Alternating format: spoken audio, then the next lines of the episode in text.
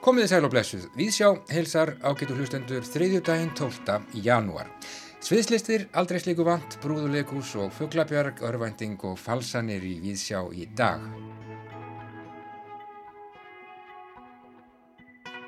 Við ætlum í dag að huga meðal annars að síningu í Ludvigsafninu í Köln í Þýskalandi en alvarleg staðavarandi falsanir í safneigninni þar á bæ kom upp í undibúningi síningarnar ja, eða varð kveikjan aðinni. Við tölum um træðuna sem að stundum kemur upp þegar eigendur listaverka eða safnafólk þarf að horfast í augu við staðrendir. Við ræðum líka við Agnesi Væld, leikstjóra og leikonu, en um, leikhópurinn miðnætti frumsýnir í kúlu þjóðleikúsins um helgina nýja brúðusýningu sem nefnist Game Mér Ei.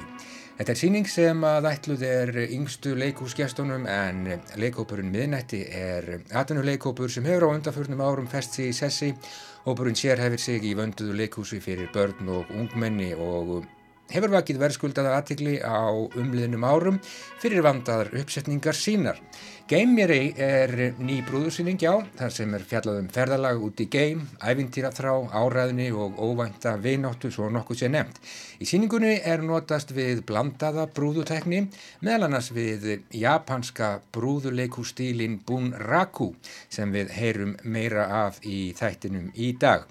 Þetta er síning sem að flutt er án orða og tónlistin hún er frum samin. Við heyrum meir um Geimjari undir lok viðsjár í dag. Snæpit Brynjason fjallar um tónleikúsverkið Fugglabjarkið sem að sínt er í borgarleikúsinu.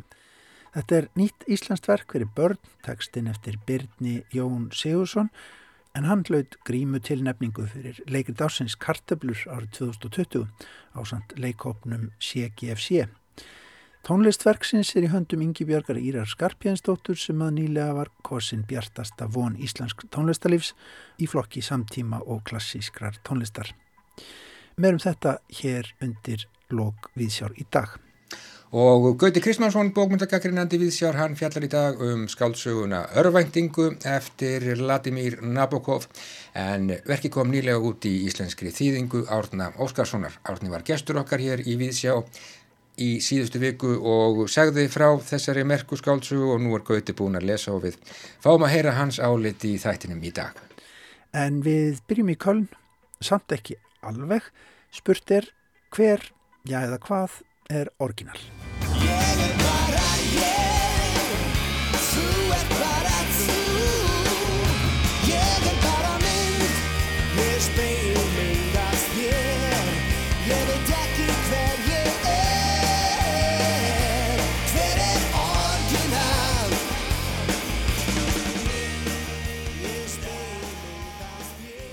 þú ert bara þú.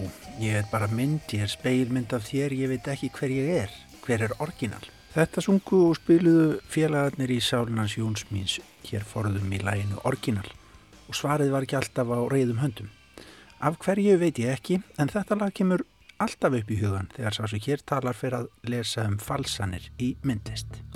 In der Ausstellung wird der Frage nachgegangen, wie authentisch sind die Arbeiten? Sind die Arbeiten wirklich von dem Künstler oder der Künstlerin, von der wir bisher annahmen, dass sie äh, von diesen Positionen produziert wurden? Wir haben Werke ausgewählt, die auf der einen Seite mh, Verdachtsmomente, wo es Verdachtsmomente gab, Hinweise darauf, dass das Werk möglicherweise nicht original ist, nicht hinreichend dokumentierte Provenienz, äh, und die haben wir uns vorgenommen, das sind so 30, 40 Arbeiten, äh, und untersucht. Já, hvað er orginal þegar kemur að myndlist? Það getur oft verið erfitt að svara því eða sláði í föstu. Reglulega heyrast fréttir af fölsunum út í hinnum stóra heimi og stundum hér heima líka, bæði í tengslum við uppbóð og sölu á verkum og líka þegar kemur að safnastarfi. Slíkt getur verið óþægilegt, sorglegt eða vandraðalegt fyrir eigendur verkana, safnara eða kaupendur eftir atveikum eða safnafólk. Í safnastarfi var lengi vel hort á mögulegar falsanir á safningunni, jafnvel sem eins konar tabú og farið með einhvers konar óþægilegan grun eða óljósa vittnesku um slíkt sem hálkett leindamál. En á síðustu árum hefur þetta breyst nokkuð. Söfn hafa tekið upp gegnsæri starfsætti þegar kemur að því að miðla því hvernig þau fara með fölsuð verk og jáfnframt hefur upplýsingamiðlun millir ólíkra aðila í safnaheiminum aukist til muna. Við heyrðum þarna áðan í einum af starfsmönnum Ludvig Sapsins í Köln í Þýskalandi og það sapn er einmitt ágætt dæmi um það hvernig sapn samtímans eru farin að tækla falsanamál.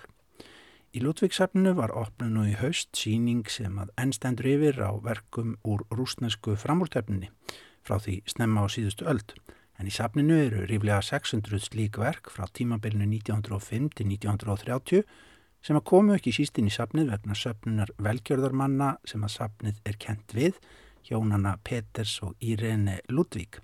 En Peter þessi var mikill súkulaði barón í Þískalandi á sinni tíð. Sapnið var stopnað á því ágæta ári 1976. En staðrendin er svo að nú hefur komið í ljós að talsverður hluti verkana úr rúsnesku framústefninni sem sapnið geymir reynist eiga sér vafa saman uppbruna og núna á síningunni sem að safnið opnaði í september sínir það eiginlega inn í kviku á sjálfum sér með því að gefa gestum insýni þetta sársökafulla ferli þá vinnu að meta uppbruna slíkra verka, finna og greina rángar upplýsingar í safnegninni og vafa sama gripið sem að þar geta leinst. Aðferðirnar og niðurstöðunar í þessari naflaskoðun verða þannig hluti síningarinnar sem heitir Rúsneska framúrstefnan í Ludvíksafninu spurningar um upprunaleika og fölsun, rannsóknir og útskýringar. Gesturinn fær á síningunni insýni í listsögulegar og tæknilegar aðferðir sem notaður eru til að varpa ljósi og upprunalega og getur skingst á bakvið tjöldinn í sapnastarfinu til að öðlast skilning á því fjöldþættar rannsóknastarfi sem þarf að beita við slíka vinnu, til dæmis margskeins myndatökur og myndgreiningu og greiningu á efni, til dæmis málingu, strega og papir. Sýningin varpar líka ljósi og líka skóla og meiningar fræðimanna og sérfræðinga í þessum efnum. Og sýningin í Köln er einmitt kveikjan að umfjöllunum þessi máli í nýjasta hefti Vikuritsins The Economist. Það er bent á að rúsneska framhústefnan sé nokkuð snúin þegar komið að því að sanna uppbrunaleika eða rekja hann. Mesta hugmynda auðgin hjá listamönnum stefnunar átti sér stað á árunum fyrir rúsnesku byltinguna en þegar að Sovjetríkin komist á legg voru yfirvöld ekki eins reyfin að tilröna gleðinni og verkinn dreifðust í víða um heim þegar safnarar áttuðu sig á því hver miklu þessi myndlist geti mögulega skipt í listsögulegu samengi eins og fyllilega átti eftir að koma í ljós. Það er því ekkert sérstaklega auðvelt alltaf að rekja rústnesku framústefnuna. Því fór það svo að sjálfskoðun Ludvíksapsins bar árangur, því meður kannski, og að 50 verkum sem rannsókuð voru kyrfilega voru 22 ránglega tengd listamanninu. Í greininni er líka bent á að þetta viðmút Ludvíksapsins til vandamálsins, það að sína hlið við hlið, ekta, rétt feðruð skulum við segja, verk við hlið þeirra sem að hafa verið sett í falsanaflokkin, sé alls ekki algengt í listaheiminum. Snopp og varnarháttur í miskonar, rannsóknum og fræðimennsku koma enni veg fyrir slíkar tilhörnir. Þeir sem með kennivaldið fara eiga það til að skella í lás, ekki tilbúinir að viðurkenna vandan eða skoða sapning sína niður í kjölinn með nýjustu aðferðum. The Economist bendir á ágættæmi þó að eldra sé Corpus Rubenianum, nefnd fræðimanna sem að sérum að samþykja og viðurkenna verk hollandska málarans Peters Paul Rubens. Vinnanemdarinnar byggist að stórum hluta og yfirgripsmikill í þekkingu Ludvigs Burkhardt, þísks sérfræðings í verkum Rubens sem að lest árið 1960 en hefur síðan komið í ljós að hafði ekki alltaf alveg rétt fyrir sér þegar koma verkum Rubens. Samt hefur træðulögmalið verið nokkuð ríkjandi hjá korpus Rubenianum þegar kemur að því að beita nýjustu aðferðum í rannsóknum. En á síðustu árum hefur þróunin verið hröð í þessum hefnum. Tæki sem einu sinni voru notu til slíkra greininga og voru nánast eins og byggingar að stærð eru nú eitthvað sem hægt er að halda á og skila áþekkum árangri. Framþróun í vinslu gagna í miklu magni skiptir líka miklu máli og samvinna í gegnum netið þvert á lönd og höf. Jafnvel gerfigreindin er komin til sögunar á þessu sviði, til dæmis til að greina pensilför málara. Fyrirtæki í Zurich Art Recognition vil meina að gerfigreindin geti orðið fjórða undirstaðan í þessum rannsóknum, auk stílgreiningar, hefðbundina upprunleika rannsókna og rannsóknastofuvinnu. Listasagan er auðvitað í stanslausri endurskoðun og þróun. Inn á milli hafa einstakaverk sem að jafnvel hafa þótt ómerkileg og svo við værum svefni í geimslum sapna færst upp um flokk en flest færast verkin samt niður á milli flokka við slíka skoðun. Falsanir hafa sloppið í gegnum nálaraugun aftur og aftur uppbóðshús og endursölugalleri, söpn og eins laurukliðuvöld og dómskerfi opna alltaf betur og betur augun fyrir mikilvægi fjölbreyttra rannsókna á þessu sviði, segir í umfjöllun The Economist. En hvað sem að öllum uppfinningum líður þá mun mikilvægast að tækið samt áfram vera þjálfað mannsauga. Nýðustafan mun samt byggja á fleiru en bara lærðri aðkomu þess. Og hvað sem hver segir, þá verður áfram farið í gegnum sapnignir á ýmsum bæjum, hægt og rólega, eins og áviðum Ludvigsafnið í Köln og rúsnesku framústefnuna.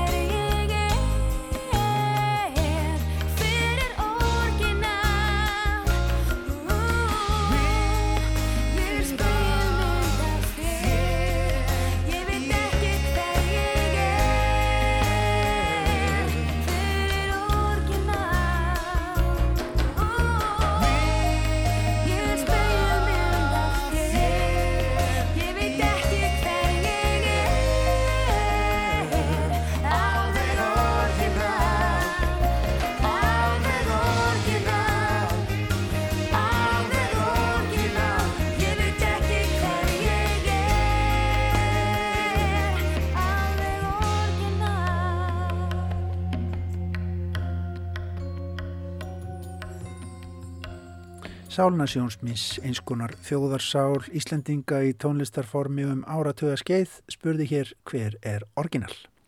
En þá ágetur hlustendur vikur sögunni að skáldsögu sem við fjöldum um hér í Víðsjá í síðustu viku. Á dögunum þá kom út í íslenski þýðingu Árna Óskarssonar skáldsagan Örvænting eftir Latimir Nabokov. Þetta er verk sem kom fyrst út á rúsnesku árið 1934 en í endurskoðaðri útgáfu á ennsku árið 1965. Þetta er glæpasaga Gráklettin bók sem eh, Nabokov vinnur meðal annars upp úr tvífara minninu. Þíski kvikmyndarlegsturinn Rainer Werner Fassbender hann gerði mynd eftir þessari skáldsögu árið 1978 með Dick Bogart í aðalhutverki. Gauti Kristmannsson hann hefur gaman af Vladimir Nabokov og hann er búin að lesa. Það er alltaf viðburður þegar bók eftir Vladimir Nabokov kemur út á íslensku og svo vel vil til að það hefa borist okkur nokkrar á undanföllum árum. Svo frægast á alræmdasta, Lolita, kom út 2014 og þreymur árum síðar kom út Sagan Pnín, báðar í þýðingu Adna Óskarssonar. Áður höfðu komið út skaldsögunar Vörnin í þýðingu Ítuða Jökulssonar árið 1999 og Elsku Margó í þýðingu Alfeðar Kjartansdóttur árið 1970. Fyrstur til að koma Nabokov á framfæri á Íslandi var Kristján Karlsson, sínist mér, en hann þýtti eina smásögu og byrti á samt stuttri en greinagóðri kynningu í tímaritinu Félagsbrefum árið 1964. Þetta er eitthvað. þó kannski megi segja að tekið hefur töluverðan tíma fyrir svo þekktan og sérstæðan höfund að byrtast hér hjá bókaþjóðinni. Höfund sem fyrir lungu hefur þýttur á fjölda tungumóla.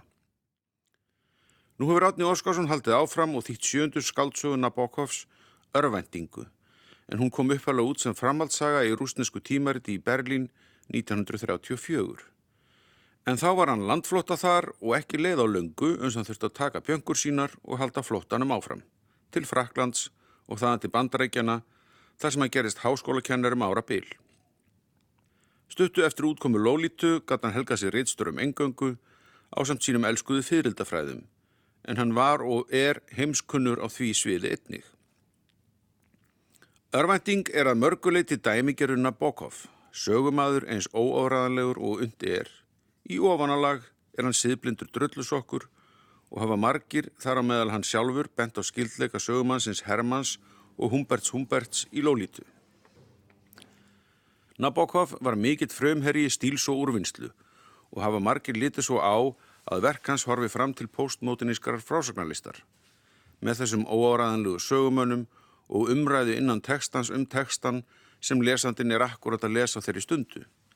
Reyndar er hann meistari í þessu og kemur það vel fram í örvendingu þar sem sögurittari og sögumadur veltir fyrir sér verkinu, hvernig aðri skrifa og hann miklu betur, en á meðan myndur fram æði einfaldri glæpasögu og er vísað út og suður í þá bókmyndagrein aftur og aftur. En kannski tvífaraminnið sem hér er tekið upp og unnið úr með vægast sagt kaltæðnum hætti í forgrunni. Þetta minni sem við þekkjum frá Robert Louis Stevenson og Dostoyevski eða þá kvikmyndinni Stúdendin frá Prag. Ótal fleiri dæmi mætti telja en verður ekki gert hér. Í tegnslu við þetta leikur speilin stort hlutverk og má velta fyrir sér hvort að Nabokov sé ekki að skeita skapi sínu á endurspeiklunarkenningum marxismas eða þá að nýta sér þær. En sá sem hann skeitir kannski helst skapi sínu á er landi hans Fjóður Dostojevski sem hann hefur oft farið niðrandi orðum um, kallað hann bladrandi bladamann og ímislegt í þáveruna. En það þarf að taka öllu sem Nabokov skrifar með fyrirvara. Og má sem dæmi nefna formálana örvendingu sem hann skrifaði fyrir ennsku útgáfuna sem kom út 1965 í hans eigin þýningu. Og segist hann hafa endur skoða sögun eitthvað þá. Þar hverst hann ekki kunna þýsku og ekki hafa lesið þýsku impressionistana sem hann hveður gaggrindur telja til áhrifavalda sinna. Reyndar dætti mér miklu fremir hug ekspressionistanir við lesturinn en hann segir ekkit um þá. En hann bjó í Berlín í mörg ár og bátt á ég með að trúa því hann hef ekki verið læs á þýsku málamadurinn sjálfur. Sagan er einhverju leiti eins konar endurittun og glæp og refsingu Dostojevskis. Parodía hefði hann hugsanlega sagt en þó nær satýra mínumatti. Þótt hann hefði vafalist hafnað því þar sem hann taldi móralskan fingur satýrunar ómerkilegan. Hann fer ekkit í felur með þessa vísun sína og órakendur sögumadurinn ræðir sína sögu Sigri Hrósandi í samanbyrði. Óþreyjanga var Dostojevski er augljós og grunnsanlega mínu mati eins og reyndar óþreyja hans skakvart mörgum öðrum. Má þar um að Freud og ekki síst Jean-Paul Sartre sem hann elskaði að hata. Sáfær meiri sér sérstakar neðamálskrinn í formálunum frá 1965 þar sem hann andmælir gaggrinni Sarts á arvendingu frá 1939, hvorki meirinni minna. Langt mun að sumir verðum að segja. En það hefur kannski sínar ástöður. Ég hefur ansóknum mínum á Nabokov aðeins skoðað óþól hans andspanni Sartre og rakst á ummæli þess síðanemda frá 1956 í formála að skáltsugunni Portrétt hins ókunna eftir Natalie Sarraud þar sem hann skilgreinir sögur Nabokovs og annara sem andskáldsögur eða andsögur eins og segir í hugtökum og heitumunni í rétt. Það er fröðlegt að heyra skilgreiningu Sartres í tengslum við þessa skáldsögu. Tilvitun hefst.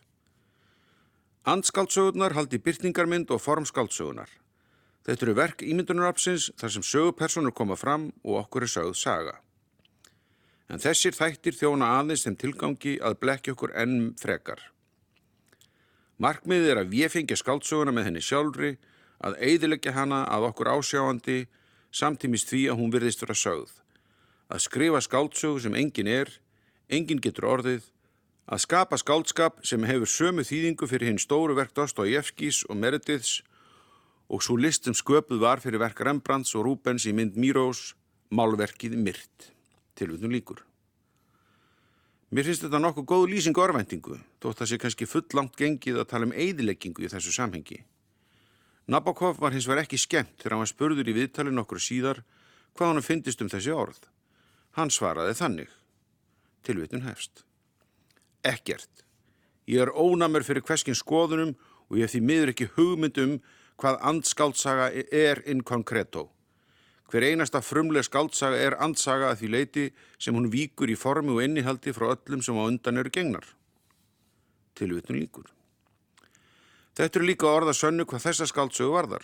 Hún víkur frá fyrirrennurum sínum í formi og innihaldi eins og sjáma við lesturinn og örvendingu þá er samingið einmitt fólki í þessu frávíki. Höfundurinn undistrekkaða sjálfur með vísunum sínum og aðferðum. Það er frumlögt og magnað hvernig hann gerir það og honum tekst líka að byggja upp spennu glæpasögunar sem margur af því sviði geti öfundaðan af. Við erum svo gjörsamlega inni í siðblindu glæpamannsins að þessi lesandi var slegin og það í annað sinn. Þýðing átna Óskarssonar er fagmannleg fram í fingur góma og þótt finna mig í smáatrið sem spyrja um um þegar borðið er sama við frumtekstan þá var það við um allar þýðingar. Því þýðingar búa við það böl að þurfa að segja sannleikan um frumtekstan að mati lesenda, sem margir eru á misjafnir. Líka þeirra verið að þýða sögu þar sem sögumæður lígur að sjálfum sér og lesendum aftur og aftur. Höfundur gerur okkur meiri sér grikki í formála, teksta sem á að vera utan skaldskaparins. En átni nær utanum hinn sérstakar nabokovíska tón með glæsilegum hætti og það var ekki bara spennandi, heldur fyllt hann mig á köplum þeim unaði sem fylgir hátindum bókmyndana. Segði Gauti Kristmánsson um skáldsöguna Örvæntingu eftir Latimír Nabokov sem kom nýlega út í íslenskri þýðingu Árna Óskarssonar. Alltaf viðburður þegar bók eftir Latimír Nabokov kemur út á íslensku, segði Gauti, og það er hár rétt spenna og unaður á sama tíma í þessu verki. Og hver er svo mikið til í það? Samspilið mitt. Hvað um það? Bassalegarin Sigmar Þór Mattiasson er með nýja plötu í smíðum og sendi nýlega frá sér nýtt lag af henni sem að heitir East River. Sigmar Þór sendi frá sér nokkuð reynrættaða jazzplötu árið 2018 sem hann kallaði Aurora en nýja efnið er undir miklum áhrifum frá austrætni þjóðlagatónlist og annari heimstónlist. Sigmar Þór segir nýja lagið jafnvel fjalla um spennu á milli austus og vestus í einhverjum skilningi. Á námsárum sínum í New York þegar hann var að stúdira vestræna jazztónlist dróst Sigmar í auknum mæli að austrætni heimstónlist. Við skulum heyra þetta lag East River með Sigmari sem að leikur á bassa, leika Ásker Áskersson á út og tamborínu, Haugur Gröndal á klarinettu, Ingi Bjarni Skúlason á piano og Mattias Hemstokka á trommur.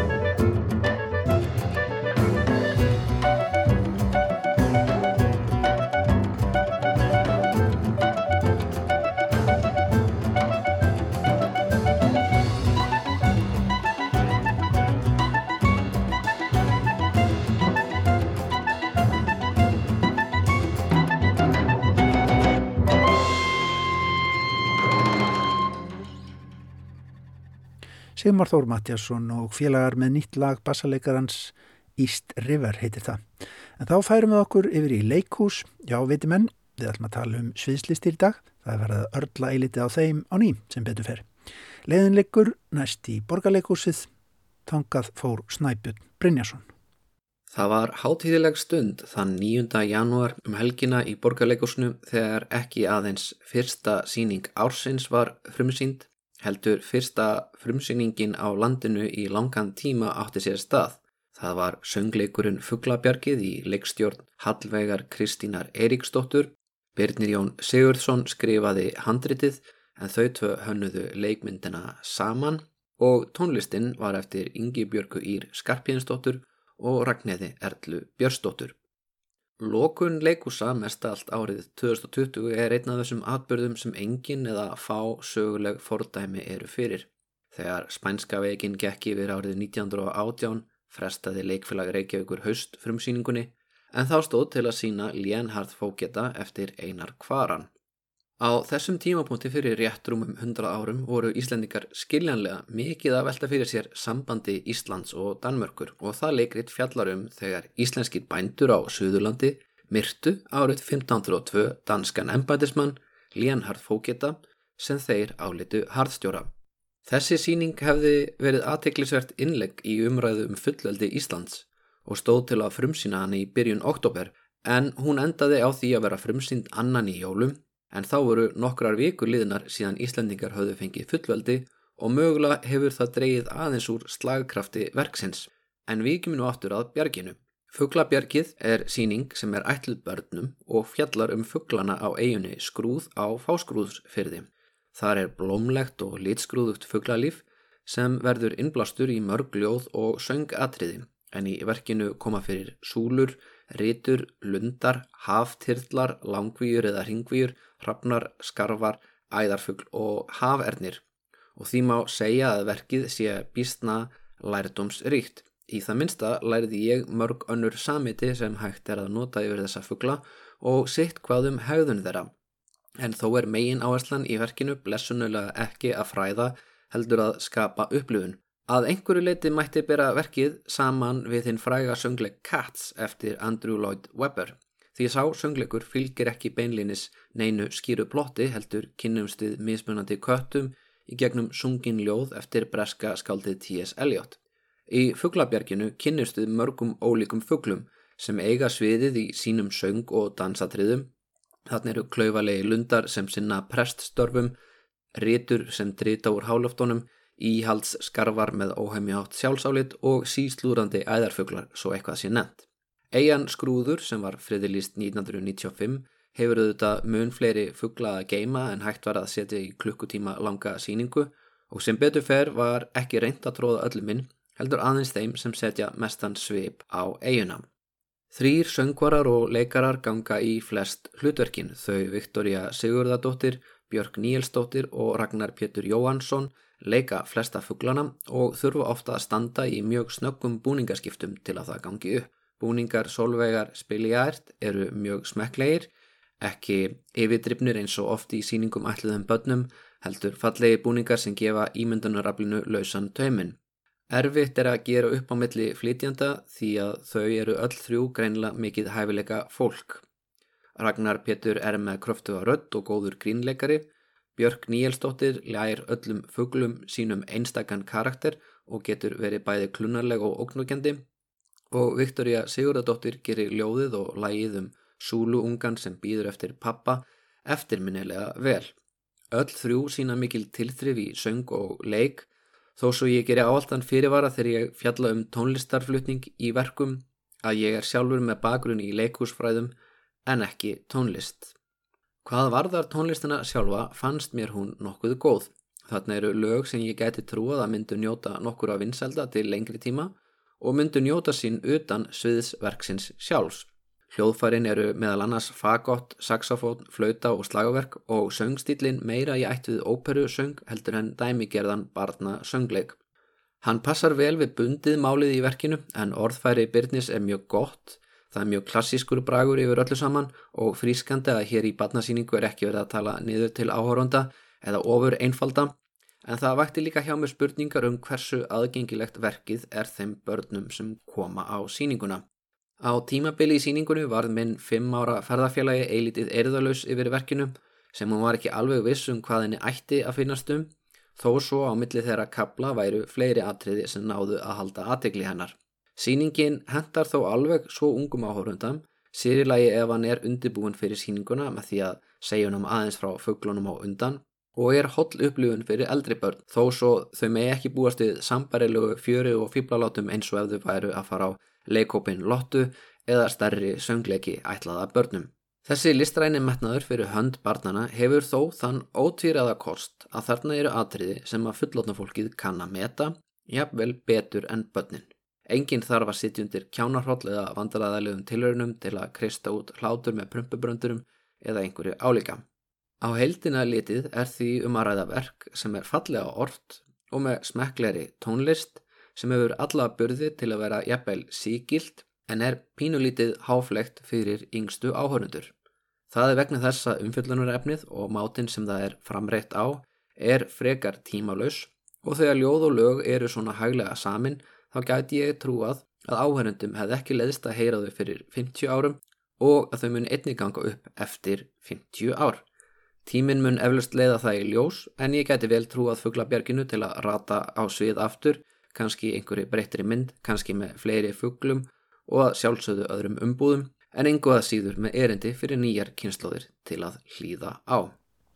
Saði Snæbjörn Brynjarsson sem á þessum síðustu vestu tímum komst í leikús.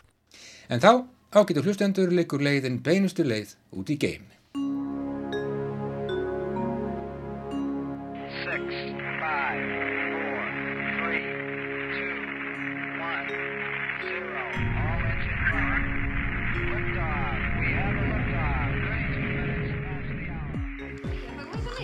Ég held það já. Hæ, Eirikur, takk fyrir. Ég er aðeins nefnið.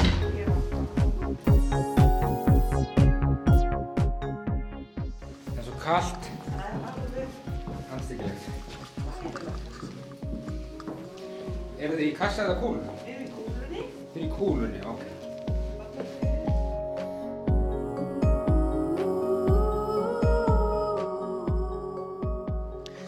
Já, ég kom hérna nýri í kúluna í þjóðleikúsinu en uh, á lögardag þá verður frumsynd hér splungunýtt uh, brúðuleikrit sem heitir ekki Gleim mér ei, heldur Geim mér ei og það er eh, leikópur sem heitir Miðnætti sem að setur þetta upp í samfunnu við þjóðlugúsið og já þetta er, þetta er síning fyrir svona yngri, yngri áhorfendur.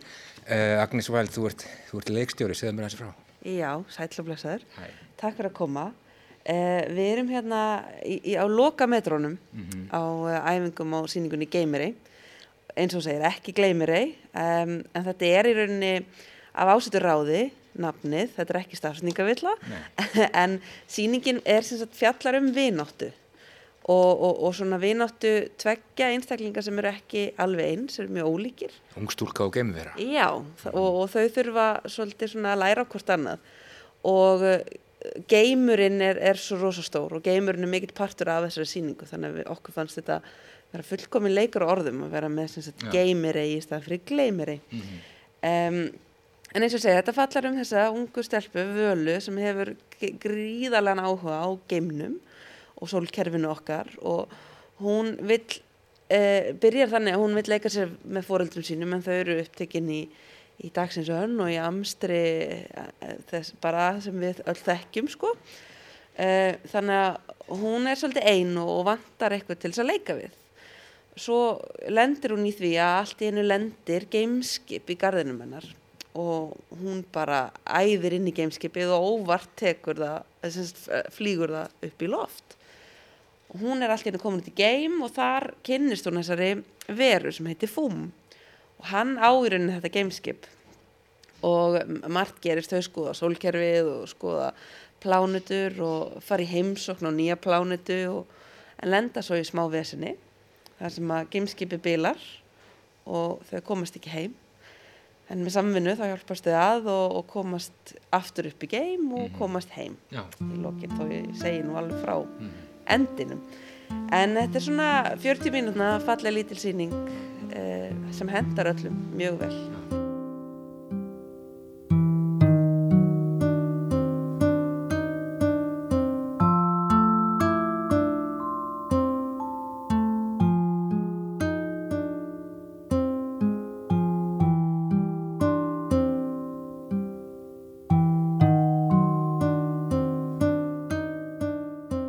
Fantasía? Já, algjör fantasía, en samt mjög tengist okkur alveg.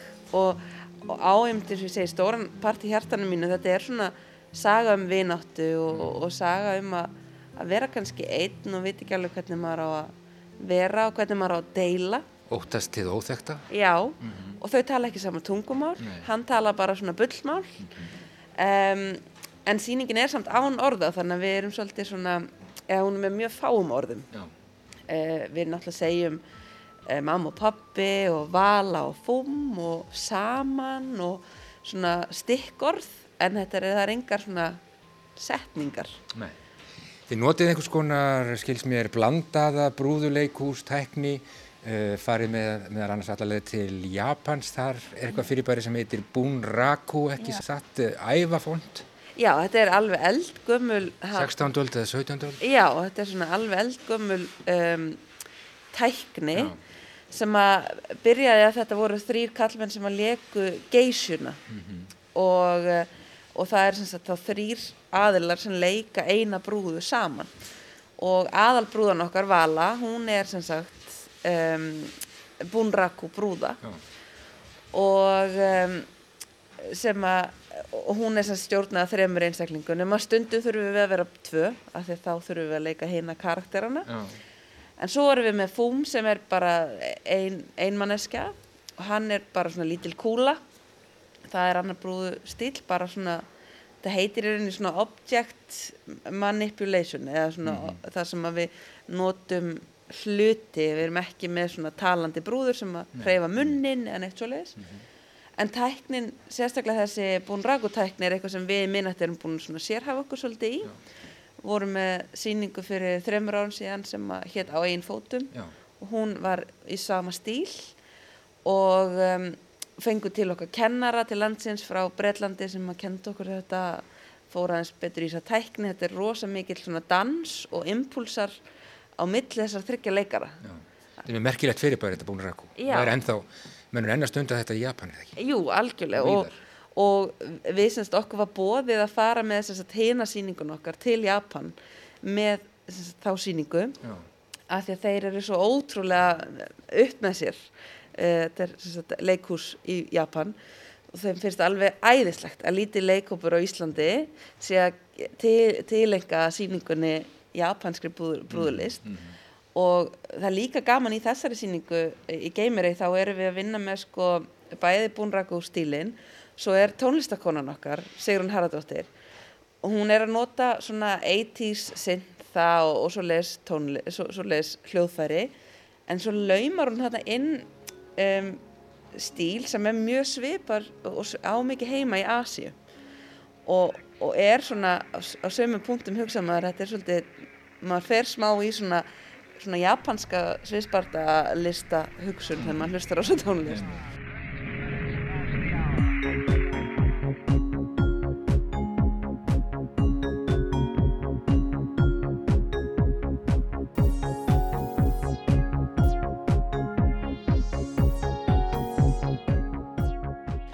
Uh, þú myndist á sýninguna á einn fótum sem að ég var frumsýnd í Tjarnarbíóin 2017 held ég og, og hefur farið, farið víða. Uh, þið stopnið þennan hópu miðnætti þrjár saman er það ekki? Segðu mér næst frá. Jú, við erum sér satt þrjár, það er ég uh, og Eva Björg Harðardóttir og Sigrun Harðardóttir og um, það Eva Björg er sagt leikmyndabúninga hönnur og Sigrun er tónlistakona, hún er fiðluleikari og, og býr til alla okkar tónlisti í öllum okkar leiksýningum og Eva Björg hefur hanna líka allt sem við höfum gert um, við rauninni stopnum hópin í kring, uh, kringu þegar við svona útskrifumst úr námin okkar sem er svona í kringu 2013-14 og þá erum við, byrjum við að vera með sagt, leiksýningu, barnasýningu sem heitir Þorri og Þura og eru álvar sem að hafa heimsótt leikskóla og, og svoleiðis, uh, hátíðir og þannig.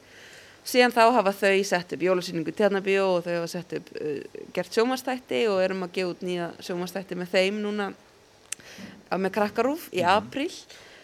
Og en við sem sagt vinnum mjög vel saman uh, við þrjár í miðnætti og ráðum svo til okkar aukalega leikara og ljósa hönnuði og til að vinna með okkur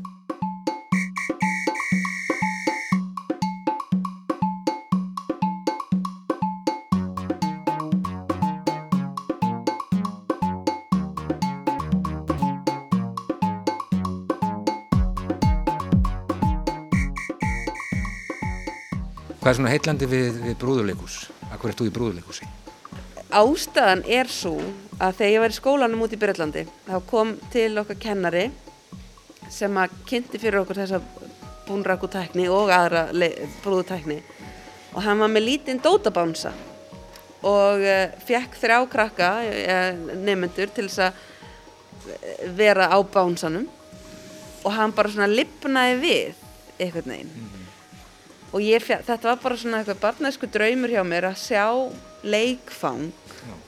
vera svo lifandi og fallegt að ég bara eitthvað, þetta er algjörlega máli og uh, þegar ég var yngri þá var ég að sapna að sapna ég böngsum.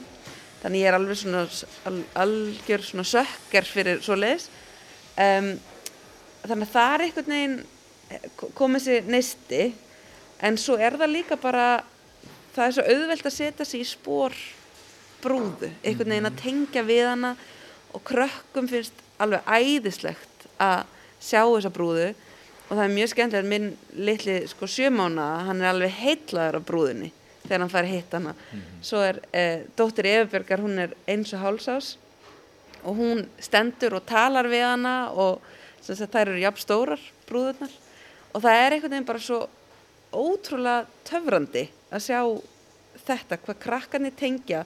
Og eins og með á einn fótum erum við búin að ferast til, til Grænlands og Póllands og e, Ísland segi og börnin fæðinga alltaf að hitta e, brúðuna eftir síningu, það var áður en COVID kom. En þá sem sagt fenguðu hitta brúðuna og koma við hann á helsinni og svo leiðis og það er bara einhvern veginn svo sama hvað tungumálu tala. Brúðan talar bara eiginlega ekki neitt mm -hmm en samt voru svo fallega samtölaðna á milli þar sem þau voru að klappa henni og segja henni frá og, og þannig að þetta er það er ykkur, ykkur töfrar þarna Já. í brúðunni Ómótstæðilegu galdur Já. Já. Og þú lærið þína kunst í, í Breitlandi Já, ég er semst lærið leiklist í Breitlandi mm. og útskrifast þar 2013 og ég var á svona contemporary theater eh, braut þar sem var mikið lagt upp úr eh, samsköpun þar sem við erum að búa til verkinn saman eh, fengum, lærðum brúðulist og lærðum alls konar svona aðeins öðruvísi, náttúrulega með líka Shakespeare og Chekhov og allt það. Uh -huh. en þetta er það sem heitlaði mig, þetta að skapa sögurnar saman segja einfaldar sögur en stórar og tilfinningamiklar